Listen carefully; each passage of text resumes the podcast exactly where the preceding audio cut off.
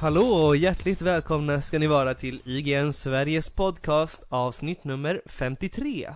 Jag heter Aldo Sartori och vid min vänstra sida har jag Robin Stjernberg. och till min högra sida Till din högra sida har du Viktor Sjöström.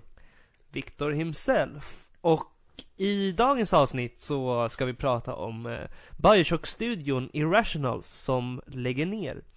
Vi ska prata om tusentals spelare som tillsammans försöker klara ut Pokémon samtidigt, på samma spel också. Eh, och jag har lyckats fastna för ett spel som lyckats sno all uppmärksamhet från DayZ. Vilket det är, får ni höra sen. Och Viktor har träffat en eh, apa. Jajamän. Och du har blivit sjuk. Och jag har blivit sjuk.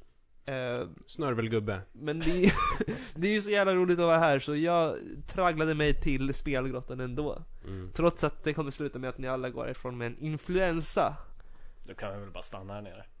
och spela in en podcast för evigt. Ja. Podcast, Evighetspodd. podcast limbot. Det är bara att streama på Twitch. Det blir skitbra. Och innan vi går vidare till att prata veckans nyheter så ska vi först ha kommentarer. Och vi har fått en relativt lång kommentar från Thomas Björksund som skriver på hemsidan. Ytterligare ett underhållande avsnitt. Tack så mycket. Tackar. Hoppas ni snubblar över lite Garden Warfare snart.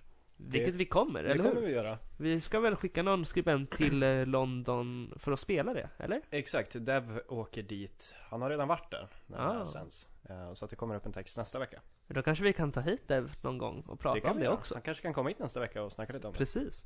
Eh, snyggt. Och eh, han har också en fråga angående Kristoff- Kristoffers tyckande gällande Titanfall. Mm. Kristoffer var här och snackade Titanfall förra veckan. Precis. Avsnitt 52.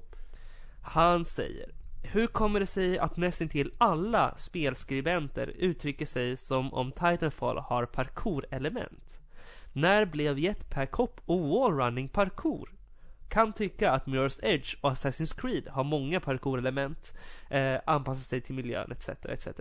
Men Titanfall anser jag snarare har mer old school moves som walljumping och double jump etc. Det är inte som man säger att Super Meat Boy har parkourinslag. och det stämmer ju absolut. Mm. Jag skulle inte någon skulle säga att, eh, att Super Mario sysslar med parkour heller liksom.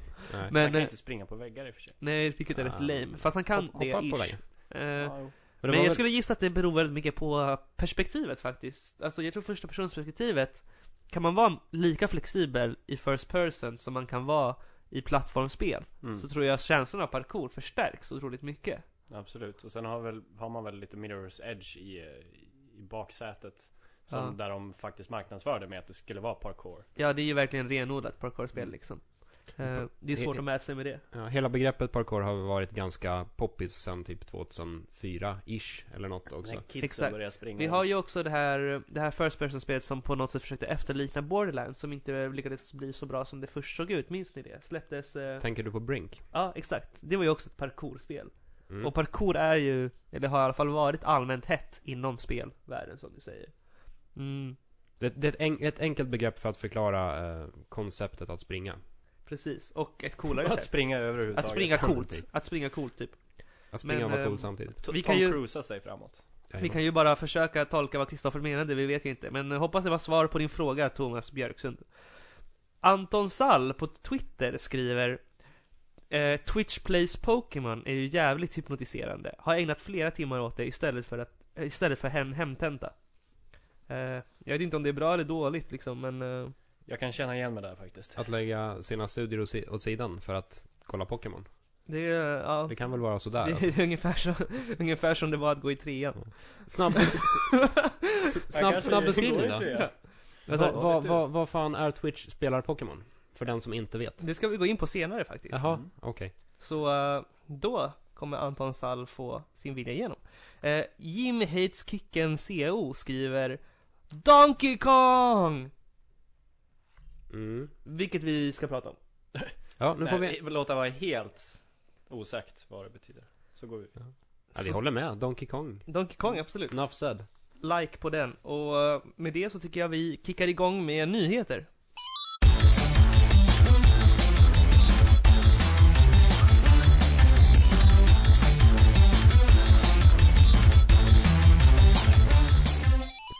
Ja, då kickar jag igång med min nyhet som är att Irrational Games går i graven efter 17 år och flertalet högklassiga spelsläpp. Varav den mest ihågkomna kanske kommer vara Bioshock-serien.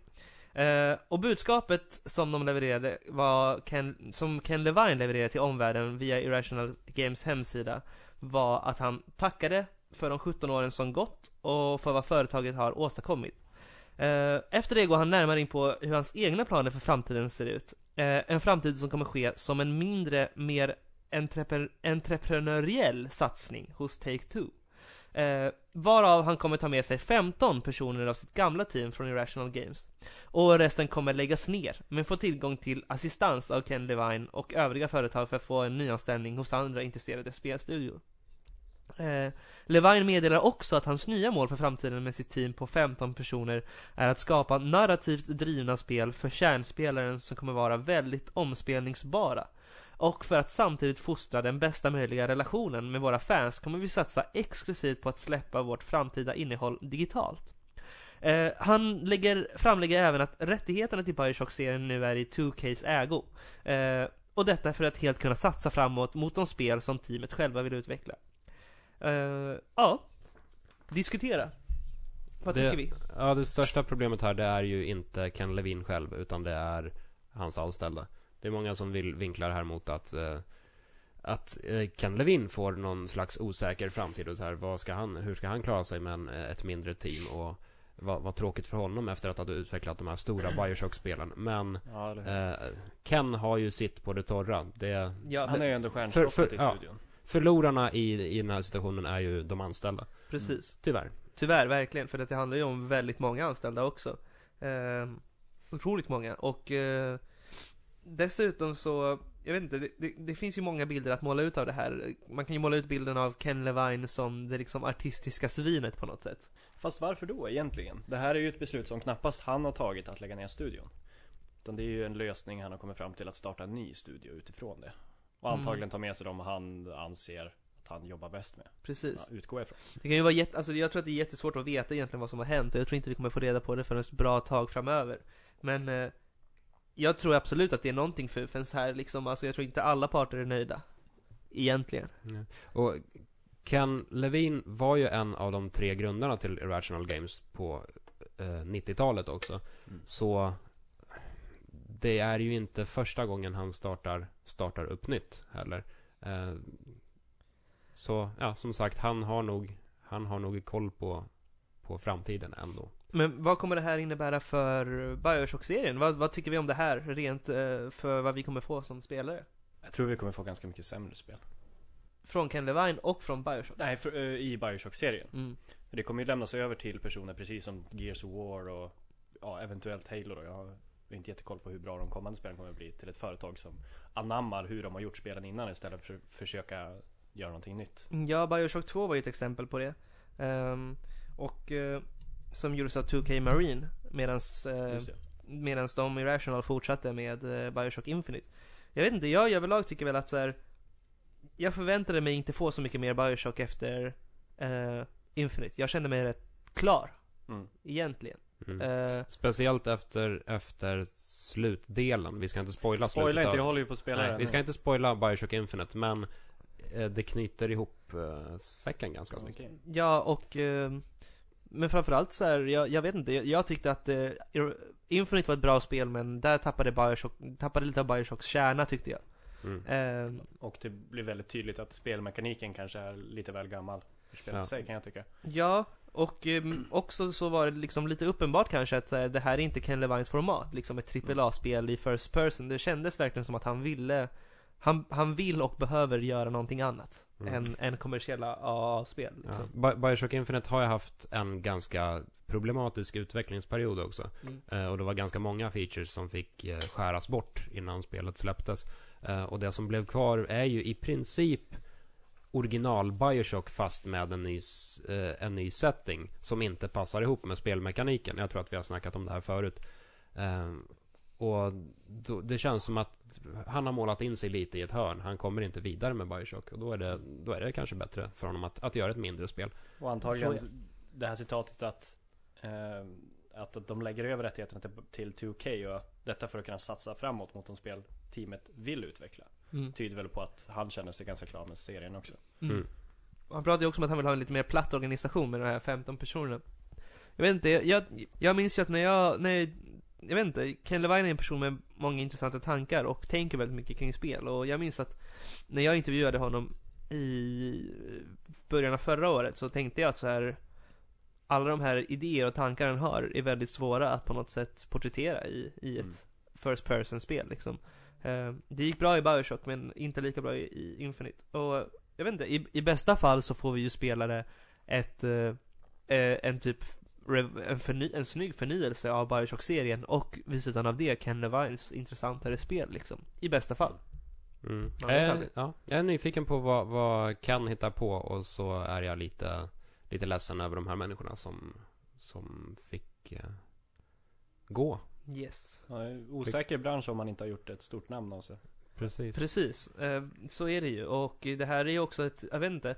Det är ju aldrig roligt när en spelstudio lägger ner, speciellt när det börjar bli så vanligt nu. Alltså det är väl det som är så här, man, man ser allt för många spelstudios så här, så fort ett spel blir lite halvdarrigt under utvecklingsprocessen, eller Alltså det finns så många faktorer som kan göra att en spelstudio lägger ner nu för tiden liksom. Det kan handla om att ett spel inte fick tillräckligt bra på IMD, eller på vad säger jag, på Metacritic. Metacritic ja, eller bara att det liksom var en skakig utvecklingsprocess för att det ska lägga ner. Och det är ingen, det är ingen positiv trend liksom. Nej.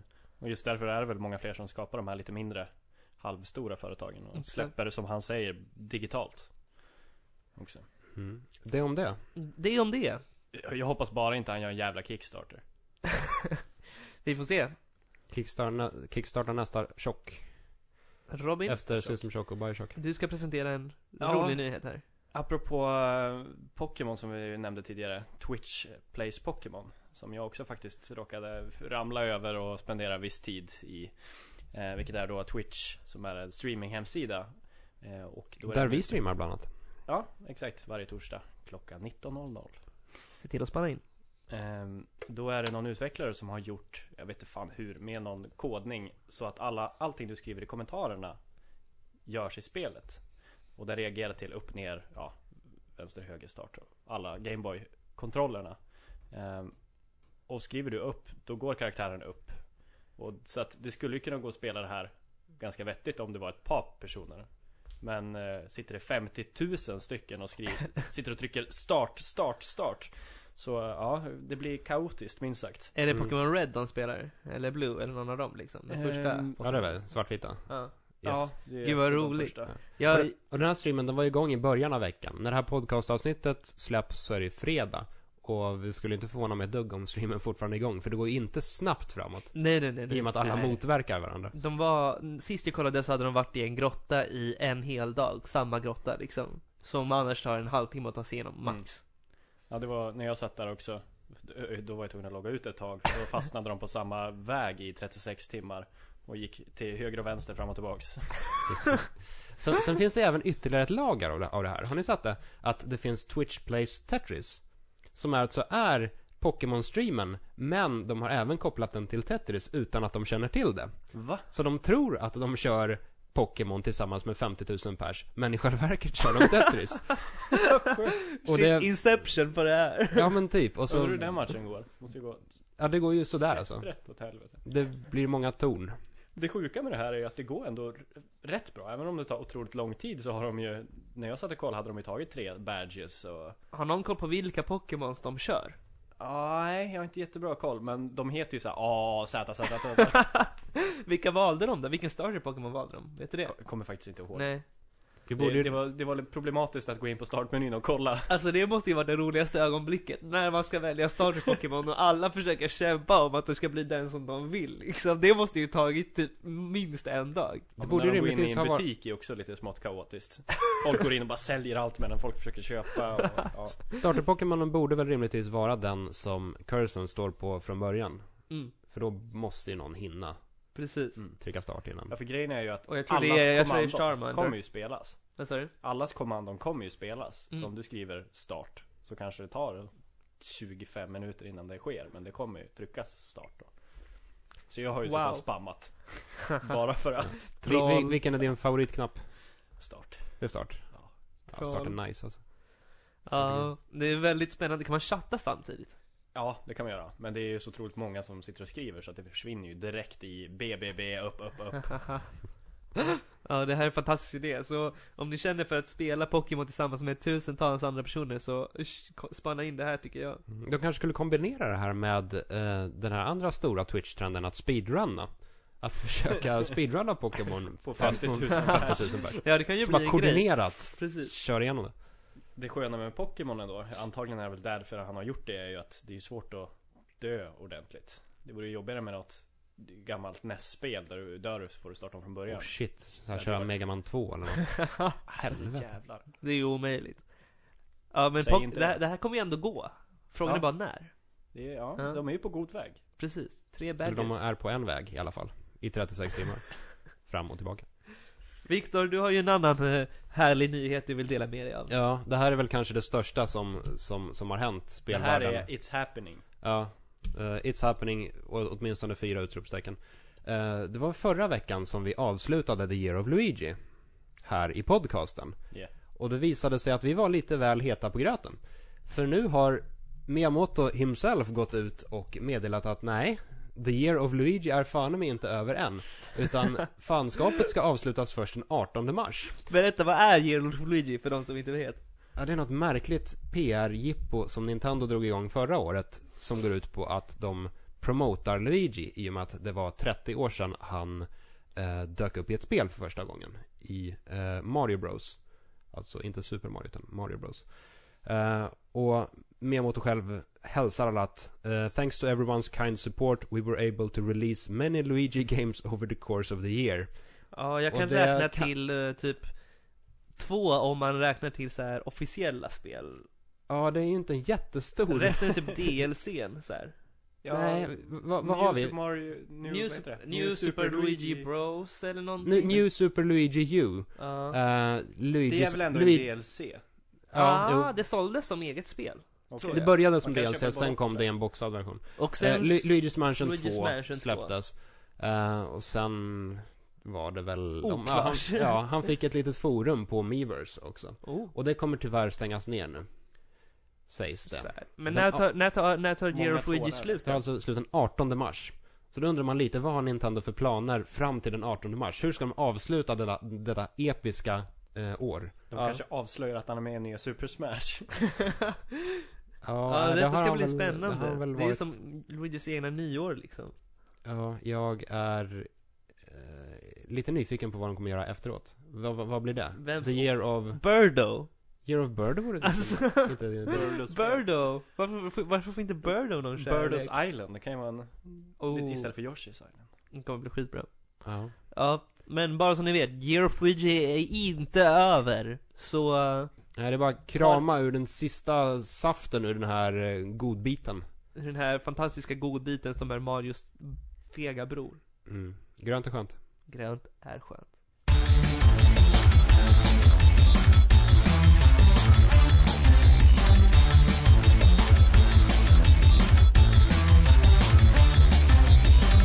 Då så grabbar! Mm. Spelat den här veckan, som de nördar vi är. Viktor, vad har Mm. du spelat? Din nörd? Din nörd, du kan vara nörd. Eh, Donkey Kong Country Tropical Freeze har vi ju fått önskemål om att snacka om tidigare. Och vi har spelat det tidigare, men det har varit under NDA. Eh, nu däremot är det fredag och spelet släpps. Munkaven är av helt enkelt. Jajamän. Så då är det... Gagballen är av. Då är det Donkey Kong. Ut ur eh, sexdungonen. Och in i apdjungeln. Jajamän. Eh, det, Donkey Kong Country Tropical Freeze är ju, för er som har missat det, uppföljaren till Donkey Kong Country Returns till Wii. Eh, som är eh, i sin tur någon slags reboot av Donkey Kong Country-trilogin från 90-talet. Som i sin tur är en slags uppföljare till original Donkey Kong från 80-talet. Yes. Nörd. Och där befinner vi oss just nu. Eh, det här har hypats som ett av de största spelen till Wii U och frågan är lite varför Nintendo har behövt ytterligare ett plattformsspel. Ja, jag, jag har verkligen känt noll Och jag vet att folk kanske kommer lacka nu, men jag har känt noll pepp inför det här spelet Jag fattar fortfarande inte vad det fyller för funktion. Nej. Riktigt. Eh, pro problemet Nintendo har det är ju att eh, det krockar med Mario.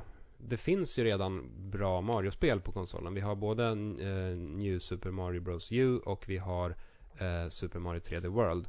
Eh, och så kommer Donkey Kong- Country Tropical Freeze och är ungefär samma typ av spel. Och då tycker man att Retro Studios borde ha gjort typ ett Metroid Prime 4 eller någonting Till istället. exempel. Kanske, kanske.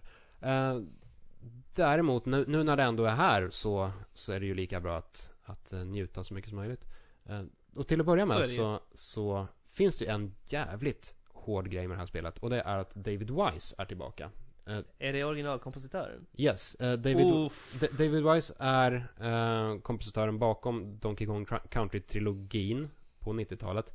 Eh, och han gjorde även massor av, av Rare-spel under 80-talet. Eh, han var med redan från starten när Stamper-bröderna som grundade Rare hittade honom i någon liten musikaffär när han stod och typ jammade på en, en Yamaha. Eh, och då Tyckte de att han var så- alltså. Ja, då tyckte de att han var så grym så de plockade upp honom och erbjöd honom anställning. Uppenbarligen typ det bästa beslutet i Donkey Kongs historia efter att ha gjort Donkey Kong. Efter slipsen. Just det. Typ. Eh, nej men han, han är eh, en sjukt underskattad uh, kompositör. Donkey Kong Country-trilogin har typ det bästa soundtracket på hela, under hela Super Nintendo-eran. Eh, och nu gör han comeback. Och soundtracket är helt fantastiskt. Det, Alltså det, nu när du säger det så är det brutalt nästan värt att spela bara för soundtracket Ja, jag. men det är det här jättevarierat och sjukt funkigt. Ehm, och det, Funky! Ja, alltså det, det, det, det är svårt att säga såna här saker utan att låta lite löjlig. Att så här, det här spelet om någon apa med en slips som jagar bananer, det har jävligt bra musik. Men musiken är seriöst så här, det bästa jag har hört på år. Wow! I, eh, Alla inom- kategorier. Så funkigt alltså. Hur, hur mycket funk på en skala 1 till 10? Du får 10 bananer av 10 möjliga. 10 funk. Ja, absolut. 10 funk. 10 funkar. Eh, problemet är väl att resten av spelet inte är lika bra som musiken. Det är fortfarande väldigt snyggt, men det har lite samma problem som Donkey Kong Country-trilogin. Att själva gameplayen är ganska oförlåtande på ett irriterande sätt. Mm. Det förra Donkey Kong Country Returns led ju lite av samma problem. Mm. Jag tyckte det var lite uppfriskande, för att det var lite ov- ovant med ett spel från Nintendo som hade en image av att vara ett barnspel. Mm. Som Mm. många andra ish är. Alltså typ, låt oss säga eh, Kirby's Epic Yarn som både är, ser fint ut och är jätteenkelt liksom. Mm. Men så Eller varför bara... inte Mario överhuvudtaget? Ja men precis. Eh, Mm. Men Mario kan också vara rätt svårt ibland, men så här, Donkey Kong Country Returns var skitsvårt! Liksom. Men, men jag, jag tycker att det är svårt på lite fel sätt. För det är lite för mycket trial and error svårhet. När Mm. man spelar en, en, en lång bit av en bana bara för att komma fram till ett litet svårt parti och så måste man liksom kötta sig igenom det om och om igen. Mm. Och sen, ja, det, det, det känns inte givande svårt. Jag tyckte förstår nästan att det, det bästa liksom, nya saken i Returns var att man kunde spela två samtidigt. Finns Just det, det. kvar? Eh, det finns kvar. Men eh, här tycker jag dock att de borde ha tagit det här ännu längre. I och med att kontrollen ändå har en extra skärm. Då borde man kunna göra någon väldigt cool co-op-grej med den. Men det kan man det inte. Nya, nya rutor du kan hoppa på. Åh, herregud. Nej men, låt en spelare spela med skärmen och den andra spela på TVn till exempel. Så att man inte behöver vara på samma skärm hela tiden. Ja, eller alltså, det är ju inte upp till oss att komma på den spännande idén. Det är ju, det är ju Nintendos jobb liksom. Ja, Fast de och gör det, ju inte det. Nej, Nej, och det det... var inte. Så om de lyssnar så kanske vi kan... Ja, Ja. Om vi Ge visste att de ge oss lyssnade ett skulle nytt vi ge Four dem guld. Swords. Det är ju liksom som gjort. För. ah, Force Absolut, det, det spelet jag s- tänkte på första gången jag såg Wii U. Ja. Fan, nu blir det ett ny, nytt Four Swords. Fan vad nice. Ja. Sitter Shigeru där bara nej. Nej vi, du! vi, vi drar ut Gear of Trodde du, Luigi ja. istället. Ja, nej men bara en sån enkel grej som att köra en split screen där eh, den ena skärmen befinner sig på handkontrollen. Mm. Det skulle funka ganska bra i ett spel som Donkey Kong Country Tropical Freeze. Crazy Banana Adventure. Men, Men, hur står det? Hur står det som ett vanligt plattformsspel då? Står det sig bra liksom? Oavsett om vi behöver det eller inte, om vi är trötta på det och så vidare. eh, ja det är bra men inte fantastiskt skulle jag säga. Mm.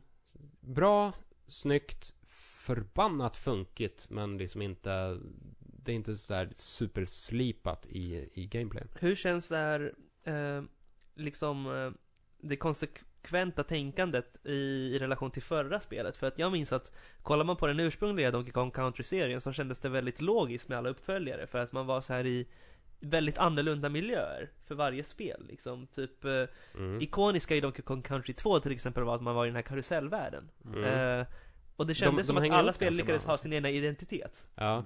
Det är även ganska snyggt äh, gjort att första Donkey Kong Country leder upp till en strid på ett eh, piratskepp. Mm. Och så står slutstriden där. Sen börjar nästa spel med första världen på piratskeppet Precis. och som följer pirattemat genom det. Hur kändes det med det? Är det här, känns det som att eh, Tropical Freeze lyckas hitta sin egen identitet? Eller är det bara en regelrätt uppföljare? Eh, jo, men det har mer identitet än eh, Donkey Kong Country Returns, det det ab- absolut. Eh, grejen är ju just freeze-delen. Det kommer onda, onda eh, filurer och, eh, och isar ner hela, hela ön. Så det är massor med eh, pingviner och skäggiga gubbar och läskiga saker som har med is att göra på ön.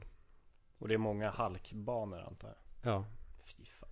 Ja, plattformsvärldens eh, hat. Plattformsvärldens hat. Ja. Eh, ja, men uh, i och med att det inte händer så jävla mycket på Wii U så, så finns det ingen anledning att hoppa över Tropical Freeze. Det, man ska ju definitivt spela det. Men man kanske bör vara beredd på att det inte är det bästa plattformsspelet någonsin. Mm. Det känns som en rimlig inställning att gå in med annars i varje plattformsspel man spelar tycker jag. Ja, ja då, vad har jag spelat? Det vet vi inte är. Jag skulle, jag hade ju en läxa till då. Men jag har inte gjort den. Vad var det för läxor du hade? Kommer inte ens ihåg det. Jag skulle lära mig döda oskyldiga människor i Daisy. så var det. Hur Ja. var det med den? Det skulle vara ond. Jag har inte gjort läxan.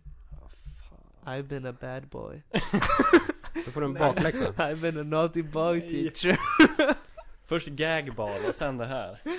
Okej, nej men så, och, och varför har jag inte gjort den är ju då frågan. Ehm, Ja, det är frågan du ställer dig. Vi ni, bryr oss ni, inte. Ska vi svara eller? ni bryr er inte. jo, för att jag har spelat Dota 2. Eller snarare nördat ner mig in i Dota 2. Mm. Ja. Det är det här nya spelet va? Ja, Det ja. där kidsen spelar på Inferno online. Så är det I den här ny, nya genren Moba. Vad är MOA för någonting?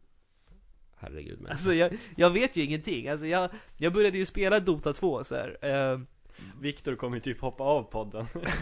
Innan frågade Aldo också om Ja. Viktor hade spelat nya Starcraft-expansion. ja, jag, Aldo Sartori. Jag började, jag, jag, jag började i alla fall spela Dota och så här, okej, där Jag har ju spelat första Dota eh, till Som var modden till WC3 eh, För väldigt länge sedan eh, Jag tyckte det var skitkul koncept då eh, Dock fattade jag aldrig riktigt hur komplext det var eh, Och nu har det blivit Jag började fatta det en gång när jag gick in i en server och jag gjorde fel och alla bara Get the fuck out noob och såna grejer liksom Jätteoförlåtande atmosfär Men nu tänkte Mm. jag att okej Lite samma atmosfär här i podcasten. Ungefär mot mig, jag känner det.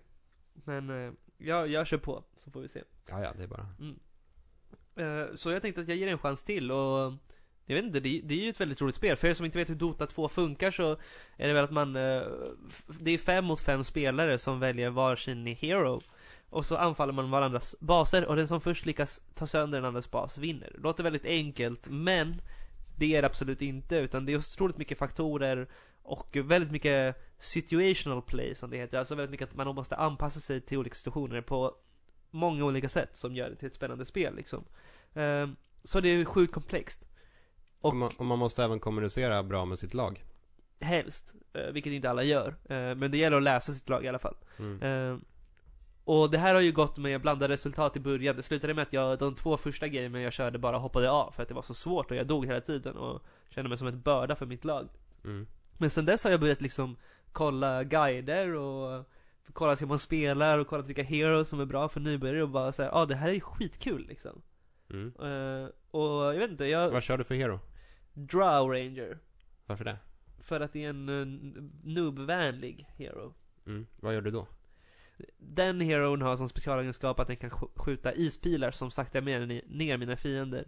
Och det som gör den noob-vänlig är framförallt att alla heroes har fyra egenskaper. Och den här herons egenskaper, två av dem är passiva. Mm. Så det kräver inte så mycket fingerfärdighet och eh, liksom skills i den meningen som många andra heroes gör. Då, går- då går du mest runt och är Eh, i skogen. Ja, ish. Det är som en skogspromenad.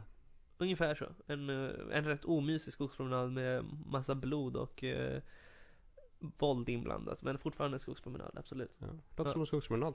Eh, nu, nu vill jag testa att göra dig till en hatad människa, Aldo. Förklara varför du föredrar Dota framför League of Legends. Alltså, jag, jag, jag, jag har aldrig spelat eh, LOL, som det kallas. Nej, men eh, hata lite på det nu. Men eh, alltså, dels så kollade jag upp det och jag, jag kan inte säga att jag vet vad jag pratar om nu, men eh, det verkade ju vara väldigt, eh, väldigt ful design till att börja med. Fortsätt, fortsätt. Och att det är lite som... Det onda flinet också. jag tänker inte säga det, för jag kan inte stå för det, men du kan ju säga vad jag sa innan vi gick ner i spelgrottan om LOL. ja, du, du suckade och så sa du LOL är väl lite som, som, eh, vad var den exakta formuleringen? LOL är som Call of Duty för, För FPS-genren kanske? För RPG-genren. så var det. Ja, så. Eller vad man nu ska säga. Mm. Eller för MOA-genren som det heter. Inte MOA, MOBA. Moba. Moa-genren. Ja. Ja men det verkar Håll, vara... håller du med jag, jag, Aldo vet, Sartori jag vet bara, eh, detta, jag vet bara, jag känner till väldigt många så här. Eh, 15-åringar som spelar LOL och som också är de som liksom spelar Call of Duty och skriver, skriker svordomar på Xbox live liksom. Mm. Men, samt, Men samtidigt... sen finns det också sådana som inte är dra så. alla över, han säger att alla är så. Nej men precis som det inte, alla Call of Duty-spelare är ju inte Call of Duty-spelare, men man, det är ju en myntad term liksom. That's deep man. Hell yeah. Eh, Jag tycker vi lämnar det här nu, det här blir lite obekvämt. Robin, vad har du spelat? Ja, jag har tagit upp ett eh, spel jag snackade om för typ ett år sedan tror jag. Path of Exile, som eh, i höstas kom ut som färdigt spel. Det har ju funnits som beta ett tag. Vad är det för någonting? Det är, Är det en Diablo-kopia? ja, kan man väl säga. Eh, vis, vissa hemsidor kallar det, och jag också börjar säga det för jag tycker det är ett bra uttryck, att det är uppföljaren Diablo 2 förtjänade, men aldrig fick. Diablo 2, förtjänat, okej. Mm. Så det, det påminner mer om Diablo 2 än kanske Diablo 3 gör. Kan man väl säga. Mm. Typ. Mm. Så det hamnar någonstans däremellan liksom. Ja, lite så. Ja, Jävligt eh, skön design ändå. Så här, totalt färglös, eh, hopplös, eh, deprimerande, mm. Regngrå. Otroligt snyggt också. Det här är ju ett free to play-spel, så man kan ju... Vem som helst kan spela det. Och... Det är Dota också. Eh, utvecklades typ under sju år av massa fans som tyckte att det kom aldrig några vettiga nya spel. Eftersom Blizzard tar ju fem miljarder år på sig. Man tycker, alltså i den genren liksom, top-down. Ja. U- Uppifrån, gå runt och klicka ihjäl monster. Mm. Stuket. Ehm, och det sköna med det också, det som jag gör att jag vill typ investera pengar i, jag har inte gjort det än men jag kommer nog fan göra det. Är att istället för att du kan köpa bättre vapen eller investera på något sätt som gör din gubbe bättre. eh, Så kan du köpa egentligen bara kosmetiska förändringar. Mm. Så är det Dota en- också. Ja, Jag har redan, jag har redan lagt ner bra. pengar liksom. det, det Eh, är ju rätt sätt att se free to play på. Verkligen, för att man bryr sig om sina karaktärer Mm. så mycket att man vill ta hand om dem och göra dem snygga liksom. Och det förstör ju inte hela systemet att man egentligen måste i princip köpa grejer för att kunna konkurrera med andra Nej precis, Pay to win är ju kanske bland det sämsta som existerar. Ja. Eh, Path of Exile använder sig av någon form av eh, kristaller också va? Ja, eh, alla aktiva abilities eller skills eh, sker i form av kristaller man sätter i sina vapen. Mm. Så det finns inga skills som är kopplad till en viss karaktär eller viss klass utan de är helt upp till vilka du hittar och låser upp och köper och så. Mm. Men genom dem så, spe, så specialiserar man sig Ja, i olika roller exakt. Sen finns det jag tror det är ett, nästan ett och ett halvt tusen passiva skills som är öppna för alla. Men du startar på olika ställen i trädet. Lite som Final Fantasy 10 leveling-systemet. Ja. Det är ett stort träd. Hela tech- tech-trädet ser ju ut som Final Fantasy 10 tech-trädet fast Fast ännu större och Mm. spretigare och liksom åt helvete stort. Det är i och för sig lite svårt att se vilket, ja men okej jag tänker att min kanske vill bli en tank men vart fan ska jag gå? Så man får sitta en halvtimme och leta efter skillsen man vill ha. Mm. Ja men det är ju roligt när man nördar ner sig sådär. Ja, Ja. och där finns det uppmuntrar ändå också till att man sitter och letar liksom gems som man vill ha på Wikipedian och sen när man väl hittar dem, yes! Mm. Nice. Sen finns det en annan sak jag tycker är intressant är att det finns inget egentligen eh, pengasystem i spelet. Det finns inga, ingen guld liksom. But Utan- how do I buy? Du gör det genom prylar egentligen. Eh, Det finns scrolls of wisdom som du kan identifiera vapen för att se vad de gör. Okej. Eh, Och det är väl framförallt den som man hittar i början av spelet i alla fall.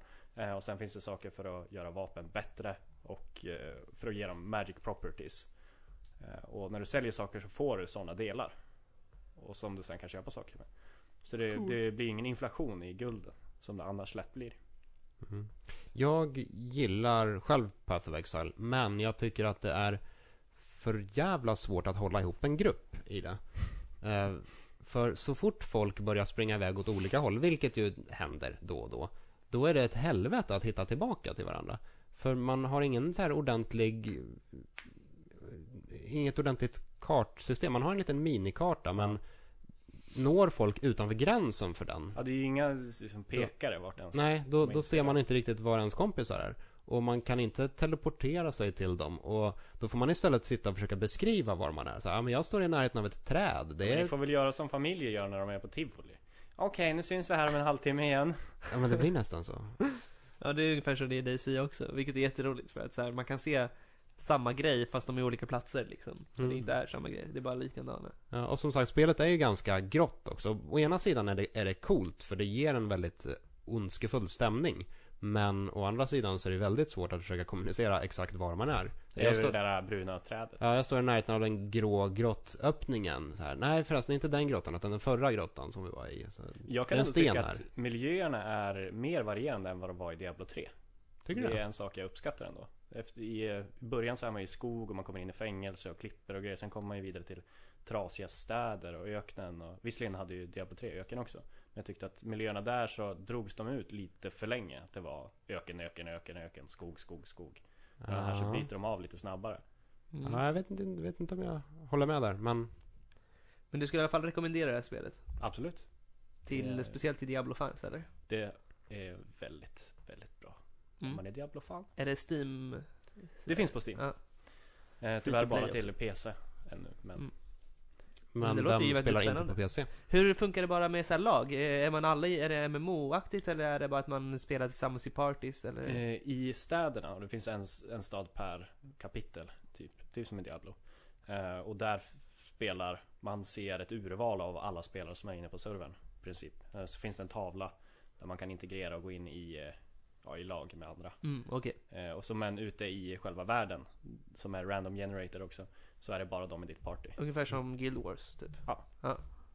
Och Men, som eh, sagt, de party-membersarna man har, de springer åt helvete och sen hittar man aldrig tillbaka till man dem. gå Och så själv kört. Så vill ni spela ett spel där ni spe- levlar en gubbe och går vilse från era kompisar? Jag har ju faktiskt aldrig haft det här problemet, men Viktor verkar Ja, jag är Victor väldigt deprimerad. Virrig och gammal. Ja, så.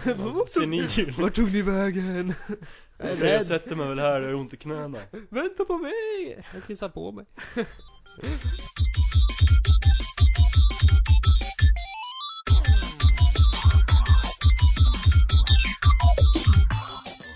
Slutligen så hade Aldo någonting han ville dela med sig av till oss alla. Ja, jag vill ju, jag vill ju prata om... eh, jag, jag kom ju hit och sa att jag ville prata om 3D-chippet. Och ni bara tittade på mig och sa så här: 3D-chippet, vad fan är det för någonting? Ja, jag Eh. trodde såhär, ah, okej, Super FX-chippet. Jag trodde han pratade om något nytt. Så här, som Har ni att göra hört om med- det senaste 3D-chippet? Ja men Oculus Rift-aktigt. Nu kan du sätta i ett chip också. Ja, nej, utan, utan då kom jag ihåg en tid när jag var väldigt, väldigt liten och ni antagligen var något år äldre än mig. Precis som ni, förmo- Förmo- förmodligen var vi äldre än vad du var. precis som ni är nu. Ehm, och ehm, det hetaste var 3D-chippet. Ni känner inte alls igen det här.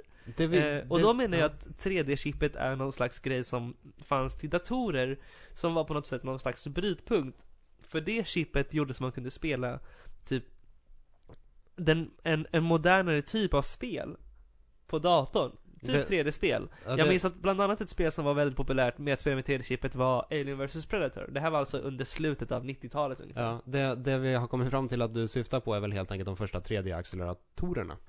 Typ. Som kom där i slutet av 90-talet. Mm. Eh, och ni menar ju att, eh, eller du menar ju Viktor att det här bara är någonting som gjorde att 3D-spelen såg snyggare ut. Eh, Medan jag minns det som någonting som var ett krav. Men oavsett så kom vi då in på att vi kan ju prata om den här perioden under PC-spelens historia. Alltså om någonting som jag vill se som i alla fall någon slags smärre guldålder under PC-eran. Mm, inte, Eh. inte bara under PC. För den delen. Utan konsoler, spel Mm. överhuvudtaget menar du? Ja. Playstation. det, det finns ju, Playstation var jävligt starkt då ja, ja. det finns en, en väldigt intressant eh, period på två dagar. Eh, som, nu ska vi se här så vi får datumen rätt. Den 22 juni 96 släpptes Quake. Den 23 juni 96 släpptes Mario 64. Och det är två stycken extremt olika tolkningar av begreppet 3D. Så är det. Och de släpptes med en dags mellanrum. Doff, doff. Och båda vart ju väldigt definierande på sätt och vis. Ja, och båda är helt briljanta. Yes. Eh, men så vad säger ni? Ska vi prata om den här, den här 96 till 2001 ungefär? Eh, för Mm. PCn. Och, och jag vet inte hur ni, vad ni spelade då och hur ni upplevde den här perioden liksom. Nej, det var en, det var en grym period.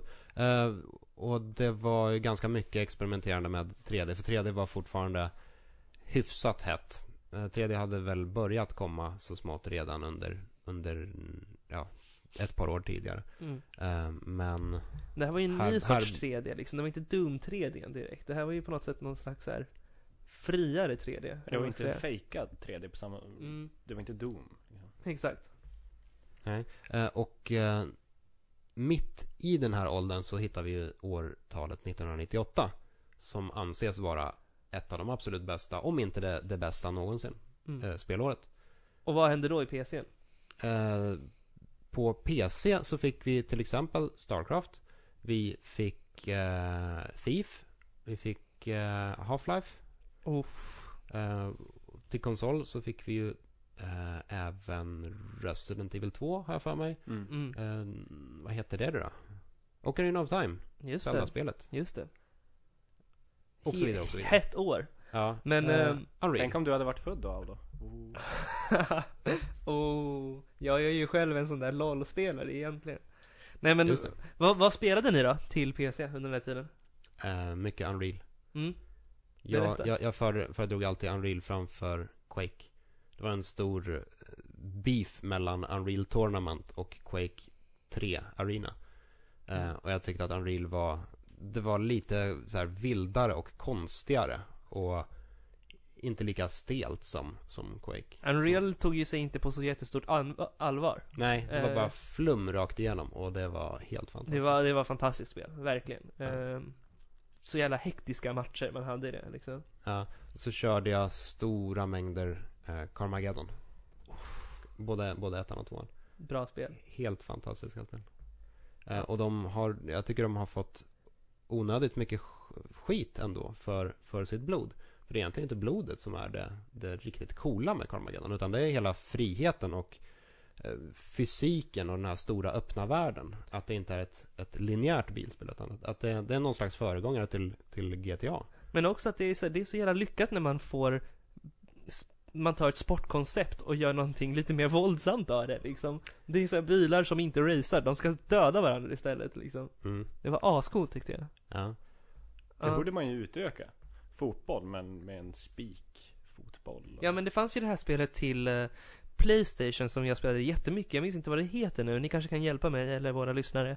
Eh, som var som handboll, fast med en brinnande boll. Just det. Eh, där man kunde motorsåga varandra eller lägga bomber på arenan så här. Det ut- utspelade sig i en dystopisk värld så här, i framtiden typ. Eh, minns ni det här spelet? Mm, det känns vagt bekant men jag kan inte riktigt placera det. Det hette något typ så här eh, Super Ultra Ball eller någonting sånt, jag minns inte. Super Ultra Ball. Ultra. Nej, det hette nog inte det, jag bara hittade på. Ja. Det finns ju en aspekt av det här i uh, Anarchy Reigns som släppte förra året. Som Okej. ett hack and slash-spel man springer runt. Men de har ganska coolt multiplayer-läge där man är i en arena och ska, ja det är typ handboll. Men det springer typ åtta pers i varsitt lag och bara dödar varandra. Mm. för att få in en jävla boll. Det är så jävla roligt. Nej men eh, jag, jag spelade framförallt väldigt mycket, mm, eh, ja, Half-Life Counter-Strike spelade jag faktiskt väldigt mycket. Mm. Eh, Många intressanta FPS under den här yes. Och eh, Alien vs Predator. perioden. Och det var mindblowing att spela det spelet. För det var en sån fantastisk kombo mellan eh, action och skräck tyckte jag. Mm. Liksom. Jätte, jättebra spel. Ja. Sen tycker jag att tvåan är ännu bättre. Eh, speciellt mm, multiplayern skulle Mm. jag säga. När man kan spela som alien eller predator eller människa. Vi fick ju väl Deus Ex under den här perioden också och det var ju Mm. också ett väldigt, skulle jag säga, definierande spel för vart så här rollspel slash äventyrsgenren skulle gå i framtiden. Mm. Det, vi, vi, vi ser ju fortfarande, alltså så här, Bioshock hämtar ju otroligt mycket inspiration från det här. Mm. Eh, som också i och för sig är en andlig uppföljare till System Shock 2, som är på något sätt, Som också släpptes då. Ja, Släpptes som precis. 99 tror jag. Så eh, det är ju lite ungefär, alltså för mig har de två spelen, System Shock 2 och Deus Ex lagt lite grunden för det vi idag kallar för actionäventyr. Alltså i FPS-miljö framförallt, typ Bioshock till exempel, eller ja, Dishonored och sådana spel liksom. Ja. Men det är lite som du sa förut att det var under den här perioden man släppte spel som sen vi fortfarande lever kvar vid Mm. på ett eller annat sätt. Mm. Ja, vi har, vi har ju Half-Life liksom. Quake, ja. Ja. Ja. Thief som sagt släpptes 98, första Thief. Och nu kommer ju eh, det nya spelet. Thief 4 som bara heter Thief nu för tiden. Vi har ju glömt ett spel som jag spelade väldigt mycket som tyvärr inte har hållit sitt arv så bra, eh, Max Payne. Ja. Mm, det kommer ju lite, Lite senare. senare. dock. Så det var det. väl åtminstone 2001 Det tror jag.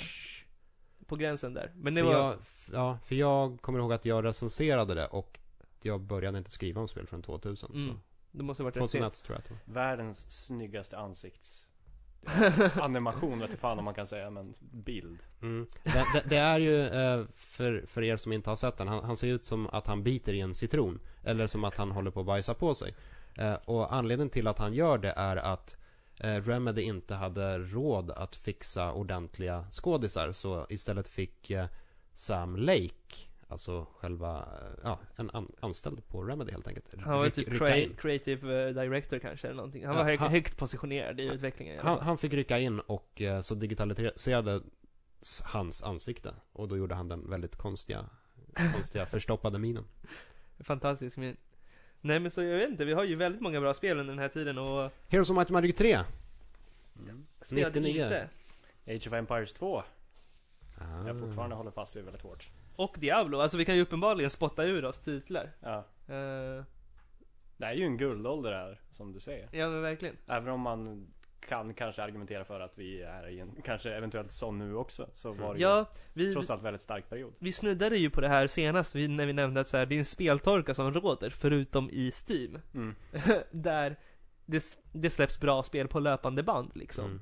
Mm. Ehm, jag vet inte, alltså det är inte en guldålder på samma sätt för att det inte Jag vet inte om det utforskas li, lika mycket nya koncept hela tiden. Även om det sker mest på PC än på någon annanstans också. Är det väl snarare det att de nya koncepten utforskas på lite mindre skala nu? Att de riktigt innovativa sakerna händer i mindre projekt. Medan eh, i slutet av 90-talet hände, hände väldigt stora innovativa saker i eh, AAA-spelen. Mm. Men är inte det talande för hela branschen överhuvudtaget då? Att de Vi kollar ju på listan här och det var ju otroligt mycket stora bra spel som kom då. Mm. Nu, Steam är ju så bra för att det släpps otroligt mycket bra som är ganska smått. Precis. Det är ju fortfarande väldigt få jättestora bra spel. Så är det ju. Jag tror också att en, en nyckel till att Steam och dator överlag eh, utvecklas så bra är för att det ligger så nära till hands till teknik och Mm. teknisk utveckling. Det kan liksom supporta free to play och är lite mer enkelt att customisa än vad konsolen är liksom.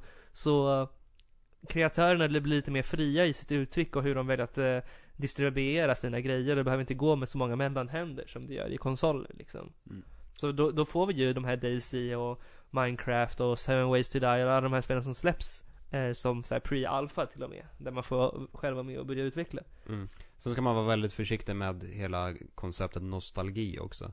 Eh, vi lever ju inte i 90-talet längre och därmed är det ganska lätt att se tillbaka på det och säga att åh, allting var så fantastiskt då. Mm. Men om tio år kan vi mycket väl se tillbaka på den här perioden och tänka att shit, var, kommer ni ihåg då? Då släpptes Journey och så släpptes jag vet inte fan. Ja precis, så Mario i, Galaxy.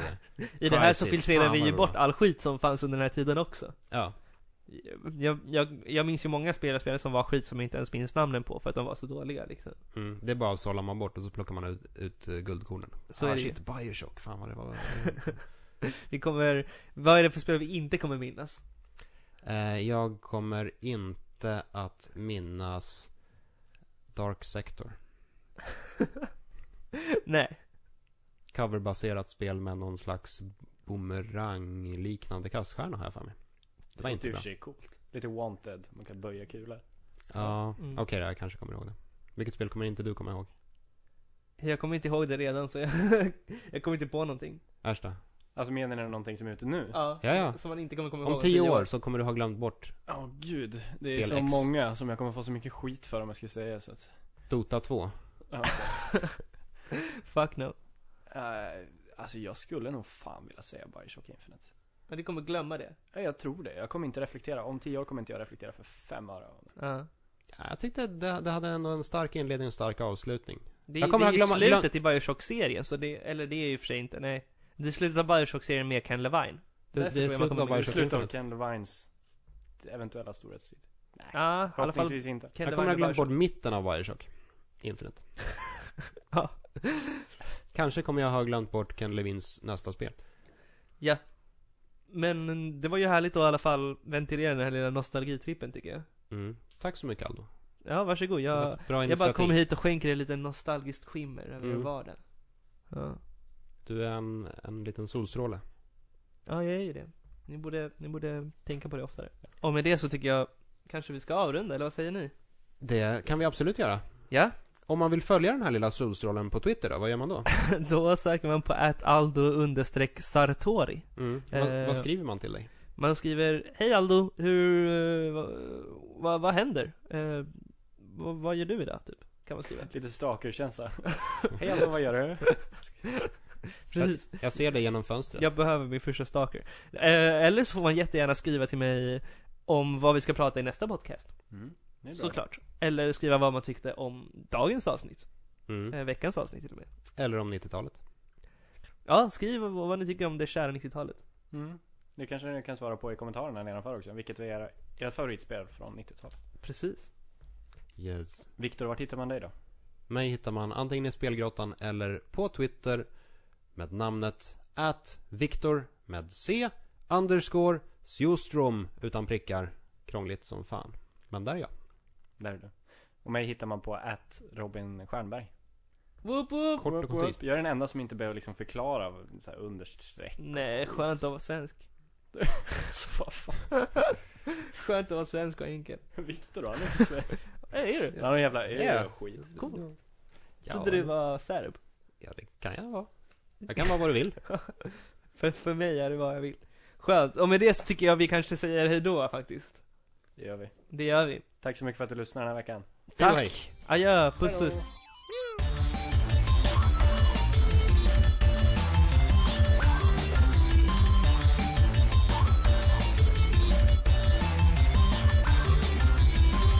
Förra veckan Yoshi, den här veckan Donkey Kong. jag kan inte Donkey Kong. Jo men du kan ju jättebra Donkey Kong alldeles nyss. Oh! Victor, jag tror du är bättre på Donkey. Ja men det, det ska vara lite mer såhär